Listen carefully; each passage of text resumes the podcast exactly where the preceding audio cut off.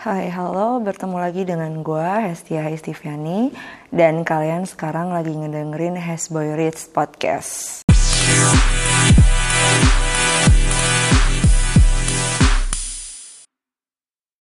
Oke, okay, so hari ini gue lagi sama Devina, salah satu temen deket gue, dan kami berdua memutuskan untuk membahas soal Kobo versus Kindle, perseteruan yang sering itu banget terjadi di antara kami berdua. Jadi ini uh, gue akan lebih banyak nanya-nanya ke Devina karena gue belum tahu soal Kindle, gue sendiri pengguna Kobo, jadi kita bakal dengerin kayak gimana sih uh, pengalamannya Devina pakai Kindle. So, uh, lu pakai Kindle apaan, Dev? uh, pakai Kindle Paperwhite tapi nggak tahu juga sih itu tipe berapa hmm. karena belinya udah lama dan nggak tahu kardusnya di mana. Emang beli tahun berapa? Uh, belinya tahun 2015. Oke, berarti udah lima tahun nih udah ya? Udah lima tahun. Udah lima tahun. Nah, selama ini lo pakai Kindle gimana pengalamannya? Itu mengubah hidup banget sih. Oke. Okay karena uh, yang tadinya mau baca itu mm-hmm. tadinya harus repot dengan beli buku fisik nunggu bukunya datang belum lagi kalau buku fisik di Indonesia mahal okay. dan apalagi judul-judul klasik belum banyak yang diterjemahkan judul-judul kontemporer juga males eh, juga suka lama uh, ke sini males nunggunya dan kawan-kawan akhirnya Kindle itu jadi solusi yang enak banget karena kalau misalnya mau beli buku impor ya jatuhnya lebih murah. Oke, kenapa lo memutuskan untuk uh, gue beli Kindle aja? sebenarnya karena waktu itu taunya e-reader cuma Kindle. Oh, baiklah dan oh ya, ini mungkin uh, belum tahu juga. Jadi di Indonesia itu belum ada distributor resmi untuk uh, e-reader, baik Kindle ataupun Kobo, uh, dia nggak masuk Indonesia secara resmi. Jadi kalaupun mau beli ada just tip, bisa ada Tokopedia, tapi ya you know e-commerce itu mahal banget markup harganya. Ya, uh, kalau Devina gimana kemarin uh, beli Kindle lewat apa? Nitip atau pas lagi keluar negeri? Oh, dulu aku beli lewat website namanya Harga Dunia. Oke. Okay. Jadi dia tuh semacam just tip tapi khusus Amazon gitu. Jadi hmm. importer lah sebenarnya. Dan harganya sih nggak mahal jatuhnya. Apalagi waktu itu mungkin dolar masih murah ya. Jadi Kindle Paperwhite aku tuh cuma 1,5 juta murah banget. Ya kan? Sumpah. Itu kalau uh, teman-teman lihat di e-commerce e-commerce kayak Tokopedia atau Bukalapak itu baru berkali-kali lipat harganya sekarang. Gila sih mahal banget. Terus awetnya sampai sampai sejauh ini? Ya udah lima tahun. Baterainya gimana? Uh, lo harus ngecas berapa minggu sekali atau mungkin sebulan sekali doang ngecasnya? Seminggu sekali sih, seminggu tapi mungkin karena ya emang tiap hari dipakai, oh, okay. hampir tiap hari banget sih dipakai. Hmm. Apa uh, apa yang menjadi kesukaan lo, fitur kesukaan lo di Kindle? Uh, karena Kindle Paperwhite itu ada feature built-in lightning, uh -huh. jadi uh, bisa atur brightnessnya hmm. dan nggak seperti kertas yang kalau misalnya dibaca harus cari posisi yang enak supaya terang dan nggak uh, dan nggak kena bayangan atau segala macam. Hmm. Kalau pakai Kindle tuh mau posisi kayak gimana juga tetap bisa baca karena ya udah terang-terang aja.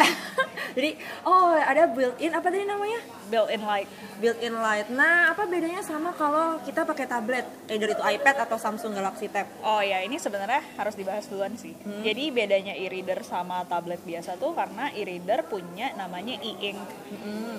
yang bikin layar itu nggak terang seperti di mata. Mereka uh, meskipun Kindle ada lampu di dalamnya, tapi itu nggak akan meradiasikan cahaya seperti tablet hmm, pada umumnya. Okay. Jadi kalau misalnya nyala nggak akan ada gelombang biru merah apa segala macam hmm. ya udah dia memang cuma menampilkan uh, hitam di atas putih. Hmm.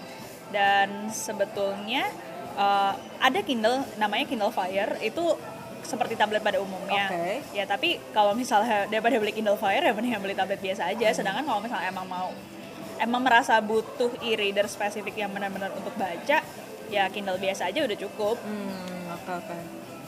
Terus selama ini kalau pakai Kindle uh, matanya tahan sampai berapa jam baca?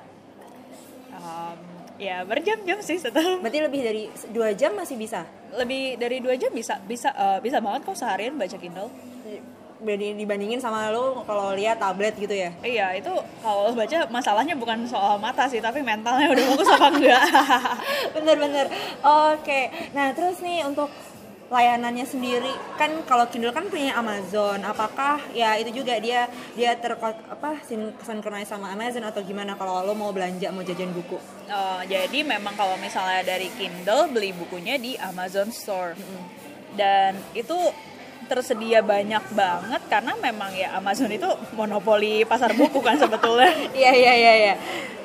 Jadi ya memang eh, ya kalau ngomongin etis agak nggak etis sih beli Kindle karena jadi mendukung Amazon banget gitu. Cuma untuk soal akses itu oke banget sih kayak hampir semua buku ada di Kindle Store. Lalu juga mereka sering banget ada Kindle Book Deals either itu Oh, oke. daily atau monthly tapi ya pasti dapat aja sih beberapa buku yang menarik dengan harga murah kayak cuma satu dolar dua dolar gitu ya terus eh, tapi aku sendiri lebih suka pakai layanan subscription dari library bukan Oke. Layanan dari Amazon sendiri Ah, itu kayak gimana tuh? Eh, kalau Amazon kan punya namanya Kindle Unlimited langganan bulanan lalu bisa akses berbagai buku yang ada di katalog dia tapi masalahnya menurut aku katalognya tuh nggak terlalu oke kurasinya jadi lebih banyak buku-buku yang self published by Amazon Oh oke. Iya, dan uh, ya buku-buku in-house-nya Amazon. Sedangkan aku nggak terlalu suka sama buku-buku in-house-nya Amazon. Ya memang selera aja sih. Jadi aku selama ini bacanya lewat library. Uh, itu bukan aksesnya lewat Overdrive itu satu app lagi dan website lagi yang terpisah sendiri. Lalu aku uh, cari satu library di US yang memperbolehkan non-residents untuk jadi anggota dengan membayar Oke. biaya anggota tahunan dan kalau dihitung-hitung biaya anggota tahunannya tuh masih murah banget aku bayar kayak sekitar 300 ribuan udah dapet akses untuk pinjam buku selama satu tahun Wow. sekali 300 pinjam setahun. iya sekali pinjam itu bisa 10 title Sekali pinjam 10 title. satu title 21 hari Wow, itu apakah berlaku di semua library atau kebetulan yang dipakai sama Devina aja library-nya eh, kayak gitu layanannya? Hmm, aku udah pernah pinjam dari dua library sih. Yang pertama itu Chicago Public Library, yang kedua yang sekarang aku pakai Fairfax Public Library. Dan mereka sistemnya sama. Oh, Kak, mungkin karena satu negara kali ya sama-sama di Mungkin, Amerika. ya. Ya, eh, sebenarnya apa namanya overdrive itu kalau yang pernah gue baca nggak harus ada di Amerika pokoknya selama si public library-nya itu emang punya layanan overdrive yang paling dekat sama Indo sebenarnya adalah eh, National Library of Singapore cuman gue pernah buku-buku sendiri koleksinya nggak sebanyak koleksi-koleksi ada di Amerika jadi ya dan harga setiap eh, perpustakaan itu kayak punya punya harga membership sendiri-sendiri sih. Jadi nggak bisa dipatok bahwa tadi di Fairfax County Library ya itu 300.000 ribu setahun. Bisa aja di NLS National Library Singapura itu eh, bisa ya bisa lebih murah atau lebih mahal kayak gitu. Ada lagi nggak yang bikin lo suka sama Kindle? Em, suka banget karena Kindle itu punya app juga namanya Kindle Cloud Reader. Hah? Itu sebenarnya kalau nggak punya Kindle like the device bisa tetap baca pakai itu di tablet, PC atau HP karena yang penting selama punya appnya dan selama punya akun Amazon. oke Jadi kalau misalnya lagi baca di Kindle, lalu uh, Kindle-nya ketinggalan di rumah, sementara mau baca di kerja, ya udah tinggal buka aja uh, Kindle Cloud Reader-nya, lalu udah kesync semua buku yang ada di Kindle akan ada di akun itu juga. Dan um, aku kan memang suka banget ngumpulin notes dan highlights dari buku ya. oh ya ya ya Nah, kalau misalnya di Kindle dan bukunya bukan buku bajakan, itu kalau misalnya setiap kita nge-highlights atau kasih notes di buku apa pun yang kita baca akan kesync di satu collection khusus. Itu membantu banget sih. di Kindle app-nya Eh, iya, di Kindle app-nya ya Secara karena, langsung. karena kalau nggak salah sempat lihat juga eh, apa beberapa teman-teman yang pakai Goodreads itu tiap kali nge-highlight pasti ke-upload ke iya profilnya betul. itu Karena juga Goodreads juga punya Amazon. Iya. Wah enak juga ya dipikir-pikir simpel ya. Oh, oke oke. Oh ya tadi ngebahas soal pembayaran. Tapi sebenarnya kan eh, Kindle itu tidak masuk secara resmi karena Amazon nggak ada di Indo. Nah, eh, Devina sendiri gimana untuk ngurus account? Apakah harus pakai residensi US atau bisa pakai alamat di Indo atau gimana? Em, aku rasa untuk bilang kalau Am- Amazon itu belum masuk Indonesia udah nggak bisa ya sekarang karena Amazon Prime aja bisa diakses di Indonesia video servicesnya. Terus eh, selama ini juga aku billing addressnya udah pakai alamat di Jakarta dan nggak pernah ada masalah. Pembayarannya pakai kartu kredit biasa aja. Hmm, oke oke oke. Jadi eh, asal jelas, maksudnya apa namanya alamatnya udah oke, terus juga pembayaran hanya dengan kartu kredit ya. Ber- Berarti nggak bisa pakai PayPal. Aku nggak yakin ya. Oh, karena ya, pengalaman gue pribadi karena gue pakai Kobo, Kobo itu per dua tahun yang lalu tuh udah menghentikan pembayaran pakai PayPal. Jadi cuma bisa lewat kredit card. Dan kebetulan banget ke kredit card gue itu gue pakai Mandiri ditolak. Jadi gue harus pakai Genius. Yeay, saya itu. Jadi Devina juga pakai Genius. Aku kan? juga pakai Genius. Dan itu- untuk di Amazon juga pakai Genius. Iya, easy banget nggak sih kalau pakai Genius? Ya. Terus eh, nah, pengalaman yang kurang menyenangkan mungkin waktu pakai Kindle yang kayaknya wah ini kenapa nggak available di Kindle? Pernah nggak? Eh, kecuali bukunya benar-benar niche, itu hampir seluruhnya ada di Kindle sih. Serius? Serius. Seluruhnya? Kayak iya yang misalkan lo lagi lihat-lihat eh, apa namanya window shopping lah di website atau di Goodreads misal ngeliat Kalau buku-buku contemporary biasanya selalu ada di Kindle. Sempat pernah membandingkan nggak antara eh, apa namanya Amazon dengan mungkin website lain harganya? Enggak, karena mau beli buku di mana lagi? barangkali kan kayak ah, Google Playbook pernah ngebandingin bisa ngebandingin gitu. Hmm, Google Playbook tuh apa nggak koleksinya malah kurang nggak berani ngomong sih soalnya jarang banget lihat Oh, Google Playbook iya, iya. karena dia cuma bisa dibaca di device Google. Oh teman ada sih yang pernah coba download dari Google Playbook, selalu dia otak-atik di RAM di RAM-nya, di EPUB-nya, lalu dia convert ke Kindle dan itu bisa dilakukan. itu itu resmi atau enggak saya gue nggak ngerti sih apakah itu termasuk Technically resmi selama ya itu bukunya dipakai untuk keperluan pribadi. Toh dia juga udah beli kan dari Oh, Google iya, Playbook. iya, Ya, iya, terserah iya. dia dong sebenarnya mau dipakai di oh mana. oh iya sih statusnya dia beli ya Iya. beli terus baru di utak atik terus akhirnya masuk Kindle Ah, ah. Oh oke oke. Nah ini agak tricky dan mungkin tidak untuk eh, dipraktekkan sih. Tapi Devina pernah nyoba untuk eh, apa namanya illegally download dari mungkin dari torrent atau dari Pirates Bay misal terus habis itu dimasukin ke Kindle. Ya itu bisa. Itu juga bisa. Iya. Berarti ya tinggal tweaking dikit-dikit gitu. Ya. Jadi sebenarnya eh, kalau di kerja aku juga kan suka nge-review buku dapat dari publisher dan beberapa kali aku minta mereka untuk ngirimin ebook aja karena aku Oh. memang lebih cepat baca di ebook ketimbang buku fisik. Jadi kadang-kadang mereka kirimnya EPUB lalu aku harus convert ke Mobi lalu cara kirim ke Kindle itu bisa pakai USB cable biasa Oke. atau enggak kirim ke email yang sudah terdaftar di domain Kindle dari email pribadi. Jadi ya emang gampang Iya, tinggal banget. di download sih nantinya ya Karena kan. Kindle kan ada wifi-nya, Iya. jadi mereka nanti dia akan automatically download buku yang udah kita kirim lewat email itu, Ih, enak banget, astaga. ya kan? Yakin belum mau pindah? dia masih tetap berusaha menggoda aku gila-gila nah cara perawatannya device Kindle-nya sulit apa enggak Dev? Enggak, jadi orang-orang suka protes banget sama aku karena Kindle aku tuh telanjang, nggak pernah dipakein cover apa-apa. dia sama tablet ringkih mana sih sebenarnya untuk body Kayaknya lebih ringkih tablet deh. Oh, karena gitu. Kindle aku tuh bener-bener kayak ya udah aku nyimpennya sembarangan banget. Pernah jatuh nggak ya? Kayaknya pernah sih. dan itu masih berfungsi ya Iya. Kayak hampir pernah keinjek juga sih. astaga LCD-nya nggak apa-apa tuh Nggak apa-apa. wow wow Dia Berarti sekuat itu loh 5 sekuat tahun. itu. oh iya sorry ini tadi ke skip nah Kindle Paperwhite Devina berapa inch ya 5 atau 6? Nggak yakin. nggak yakin ya karena kalau sempat baca kayak ada ada juga yang 5, 5 inch ada yang udah eh ada yang 6 masih 6 inch ada yang udah 5 inch jadi it's getting smaller gitu loh setauku Oke. hmm. Punya aku sih udah lama banget Iya, ya. Jadi iya, mungkin 6. Punya aku soalnya lebih gede daripada kobo kamu kan. Iya. Wah, oke. Hmm, ada lagi mungkin sesuatu yang kayak wah eh, bisa nih yang menjadi keunggulan Kindle kenapa lo harus beli Kindle daripada device e-reader yang lain? Oh, aku sih paling suka feature. Jadi di setiap Kindle itu akan tahu reading speed kita. Nggak harus setiap Kindle-nya sih. Kayak kalau baca di Kindle Cloud Reader juga akan ada feature ini. Jadi dia menyesuaikan satu buku itu. Dia akan menunjukkan satu buku ini akan selesai dalam berapa jam, berapa menit, sesuai dengan kecepatan baca masing-masing. Dan eh, aku adalah tipe orang yang kalau baca nargetin satu bab, satu bab, satu bab.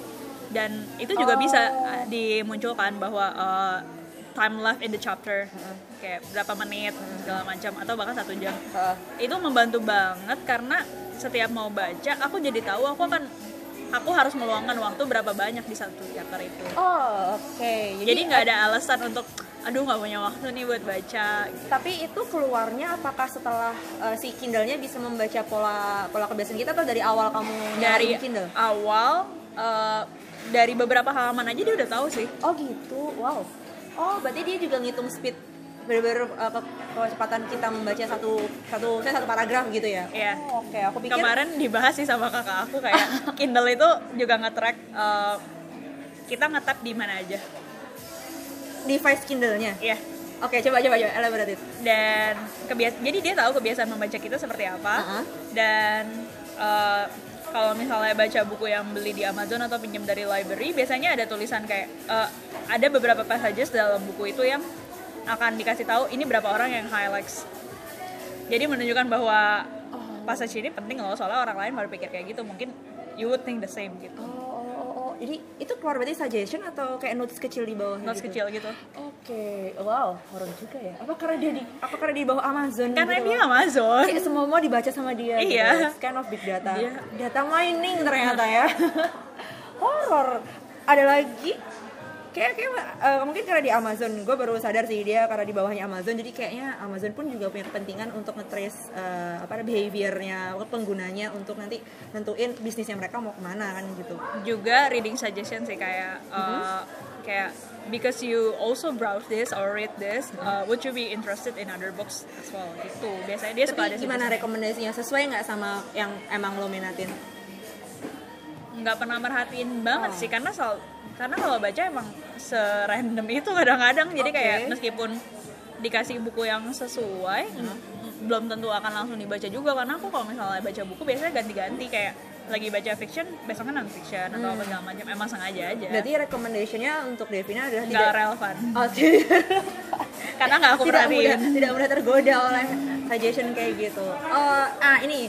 Kindle salah satu yang jadi jagoin sama Kindle adalah fi- feature gift card. Jadi sebenarnya sama kayak kalau di Indo tuh sama kayak voucher belanja gitu sih. Kalau lo emang suka belanja di Periplus atau di Kinokuniya, ntar dapat voucher ya udah lo bisa jajan apa pun dipotong sama voucher itu. Kalau nggak salah Kindle punya namanya gift card. Nah, itu sebenarnya Amazon gift card sih oh Amazon gift card. Iya. Oh bukan Kindle-nya sendiri. Eh, bukan tapi ya bisa dipakai untuk Kindle Bookstore terus Kindle tuh bisa ngebeliin buku untuk orang Coba itu kayak gimana maksudnya ngebeli jadi buku? eh, aku kan punya teman yang suka baca buku juga dan ulang tahun kita kebetulan deketan. Hmm. lalu kemarin waktu kita ulang tahun mau ulang tahun kita udah sama-sama nentuin buku yang kita mau apa. Hmm. lalu eh, di hari ulang tahunnya aku tinggal tanya email dia apa. Lalu aku cari bukunya di Kindle Bookstore eh, ada pilihan untuk beliin ini untuk orang lain masukin email dia terus sudah akan langsung masuk ke akun dia. Oh wow, never thought about this di Kobo sih. Gue belum pernah coba karena ya pengguna Kobo di Indo kayak cuma dikit deh. Siapa ya Aduh gue malu. Astaga. Hmm, Nah kalau misalkan kalau nggak salah si Kindle tuh juga punya Audible. Pernah coba Audible nggak? Enggak, aku tipe orang yang nggak bisa dengerin audiobook Oh sih. oke baiklah. Nah kalau unlimited yang Kindle unlimited itu cuma di eh, buku cetaknya, cetak electronic books ya bukan audiobooks. Mungkin ya, cover tapi Kindle tuh sering banget kalau aku beli buku ditawarin untuk eh, mau nggak eh, bundling. bundling, eh, eh. terus jatuhnya lebih murah sih. Maksudnya dibanding beli pisah-pisah. Cuma kan aku emang gak suka banget audio, audiobook ya. iya, iya, iya. Oh ya kalau pakai Overdrive itu juga ada audiobooknya. Tapi itu app, juga bisa pinjam. tapi appnya beda lagi namanya Libby. Oh Libby, ya ya pernah dengar. Berarti harus install Libby di mana tuh di handphone apa? apa di Kindle? harusnya sih di HP atau di website juga bisa diakses sih ya. Oh. Karena library di US kan kebanyakan udah bisa minjem audiobook juga. Pernah coba Dev? Enggak, karena aku gak suka audiobook. Ada kali iseng gitu kayak pengen tahu penasaran yang yang tipis-tipis sama pendek-pendek gitu ya udah Enggak, enggak, baca. enggak. Aku dengerin podcast 30 menit aja Ya, tidur. bosen. baiklah, baiklah. Wah, kayak emang kalau ya dari cerita Devina kayaknya fitur Kindle lebih banyak sih dari Kobo. Ya secara Amazon menguasai hampir menguasai dunia gitu kan. Kobo itu punya Rakuten. Jadi Rakuten itu adalah salah satu perusahaan e-commerce di Jepang. Ya sama sih kalau Amazon di Amerika, kalau Rakuten asal dari Jepang. Tapi Kobo itu yang masif dia pasarnya selain di Jepang, di Kanada sama eh, Eropa dan Amerika Selatan. Jadi kalau misalnya teman-teman pernah main ke kobo.com, mostly itu di adanya malah bahasa-bahasa kayak bahasa Perancis, bahasa Jerman dan itu jauh lebih murah daripada bahasa Inggrisnya. Kesel sih kayak gue pernah pengen beli buku harganya kalau bahasa Inggris 20 dolar, tapi kalau bahasa Perancis cuma 6 dolar doang. Kayak kesel gitu. Nah, Kobo itu juga sama dengan Kindle, dia juga punya beberapa apps yang bisa disinkronize sama handphone, eh, sama tablet ataupun sama laptop. asal lu beli bukunya resmi. Jadi ya bukan masukin bajakan download dari torrent dan masukin gitu enggak. Tapi bener-bener lu beli dari Kobo. Biasanya gue beli dari handphone. Tinggal nyalain aja ntar wifi uh, di Kobonya disinkronis tiba-tiba udah ada. Dan ada statistiknya cuman uh, kalau si Kobo ini dia nggak sampai sedetail Kindle atau mungkin karena gue belum update softwarenya sih kayak belum update software. Jadi kayak misalkan uh, gue suka ya sama sih kayak Devina nge, misalnya per bab. Satu bab itu gue akan menghabiskan oh 30 menit lagi nih lo akan habis. Atau misalnya bisa diganti berapa tinggal berapa ratus kata atau berapa ribu kata left kalau misalnya emang bukunya tebal banget nah itu bisa ada settingannya gitu Kobo gua Kobo Clara. Jadi pertama kali gue pakai Kobo namanya Kobo Glow HD itu tahun gue pertama kali pindah 2016 2016 itu waktu itu beli di Jepang satu setengah juta juga. Kita kalau nggak salah Kobo sama Kindle tuh bersaing sih harganya ya. Harusnya sih. Iya kayak kayak nggak nggak terlalu nggak terlalu apa jauh banget gitu bedanya. Nah terus uh, gue di tahun 2019 apa 2018 akhir ya gue ganti ke Clara karena fisiknya lebih tipis daripada si Glow dan itu jatuhnya lebih mahal. Gue waktu itu beli kok dikurskan rupiah, gue juga beli di Jepang sekitar 2 juta rupiah gitu. Nah, uh, kalau dibilang tadi si Devina ngomong ada daily deals yang banyak banget. Eh, kalau di Kindle itu lo bakal dikirimin notif nggak sih kalau ada daily deals? Boleh pilih. Oh, boleh pilih. Oke. Okay. Kalau nah kalau Kobo ini sayangnya nggak ada maksudnya nggak ada adalah lo benar-benar harus nyari sendiri. Bahkan kayak kemarin ketika Black Friday atau Cyber Monday di Rakuten tuh gue sampai bener nyari tuh mana buku-buku yang di diskon karena dia nggak keluar kok di website tuh kayak nggak keluar banner. gak ada banner ya iya nggak ada banner. Jadi kayak ini apa sih yang di diskon gitu. Ya ya ya maksudnya nggak sesimpel Kindle yang ada yang daily deals kan ya ada yang tiap ada, hari. ada yang daily ada yang monthly. Tuh kan Kobo itu nggak ada. Kobo itu mostly uh, event-event kayak misal itu Black Friday Cyber Monday sama Christmas. Oh sama Thanksgiving yang beberapa hari Thanksgivingnya itu wah itu udah pasti sih itu pasti bakal banyak yang akses itu uh, lucu sih karena gue pernah waktu lagi pelatihan gitu jadi uh, kantor ngirim gue buat workshop karena gue bosen gue meneruskan baca tapi di laptop ya dengan pakai apps itu tadi. Enak banget jadi kalau lo beli uh, apa namanya resmi gue di mobil sempat baca di eh, di device-nya waktu lagi apa di ruang-ruang meeting gue tinggal nerusin aja di laptop gitu enak bisa di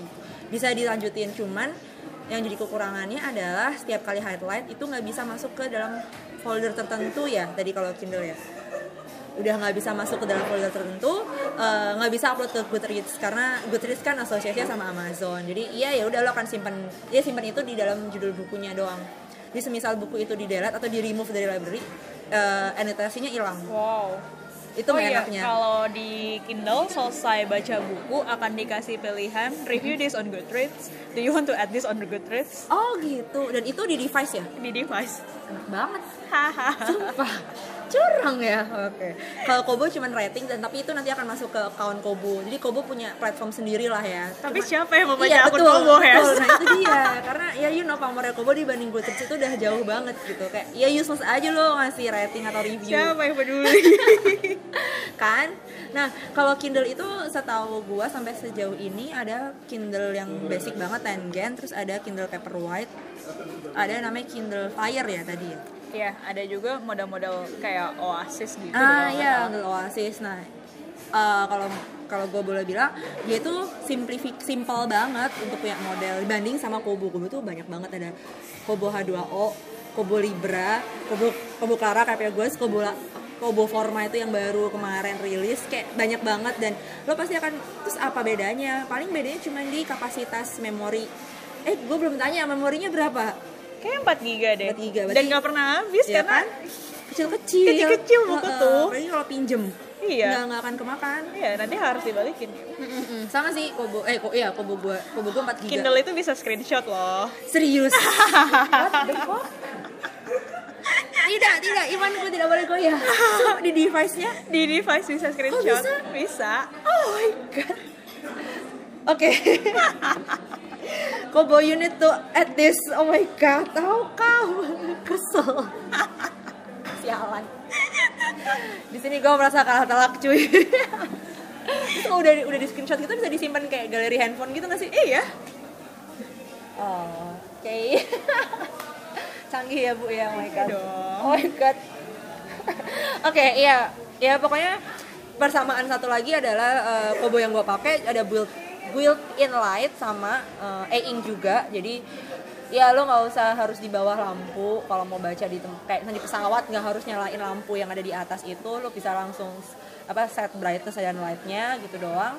Terus juga oh iya kalau di kobo itu kalau misalnya kayak gue gue suka uh, sampai ketiduran kan. Itu di, dia bisa auto langsung dimatiin gitu sama dia. Set auto off gitu loh. Oh. kalau misalnya lu bener-bener nggak ada kegiatan nggak nggak kerasa. Yeah, yeah. kalau Kindle sih dia sleep ya palingan. Hmm itu itu harusnya sih bisa disetting sih kayaknya. Karena itu masuk ke kayak apa sih baterai efisiensi kalau di Kobo maksudnya. Nggak ngaruh banyak juga sih emang baterainya udah awet. Iya bener. Nggak main repot-repot. Iya. Kalau bisa dibilang kalau misalnya nggak nyalain wifi itu baru kayak dua minggu baru bisa ngecas lagi iya. gitu. Enak sih. Dan Kobo itu kurang lebih uh, ngecasnya sama kayak handphone uh, maksimal kayak ya dua jam udah udah 100% lah sama kayak handphone handphone Android pada umumnya. Ada pesan-pesan uh, sponsor agar orang-orang pakai Kindle sebelum gua tutup sesi ini. Iya kok ya setelah mendengarkan pasti tahu lah ya kalau misalnya dibandingkan sama Kobo, Kindle itu superior. uh, Kobo cuma menang di ukurannya lebih kecil aja sih, lebih slim bisa masuk, bisa masuk saku blazer cewek. Itu penting sih kalau buat juga kalau gue lagi ngantor gitu, udah masukin aja Kobonya ke saku bisa buat baca. Oke, okay, thank you Devina sudah mau berbagi pengalaman Kindle-nya. Semoga yang mendengarkan bisa memutuskan mau beli Kobo atau Kindle. Uh, coba nanti dicek di bagian description podcast episode ini karena gue juga uh, akan ngasih link. Devina pernah nulis gimana caranya untuk uh, apa namanya pinjam dari Overdrive. Jadi teman-teman kalau misalnya masih kurang jelas gimana caranya, klik aja uh, yang ada di description. Itu ikutin aja karena gue juga ngikutin apa namanya ngikutin yang ada di situ. Oh iya Kobo bisa pakai overdrive cuman uh, yang kalau misalnya lo belinya di Eropa atau di New Zealand. Karena berhubung gue belinya di Jepang gue nggak bisa pakai overdrive. Jadi harus tweaking lagi harus ngakalin lagi gitu. Oke okay, see you on the next episode. Bye, bye. you know man, you know man, you know man.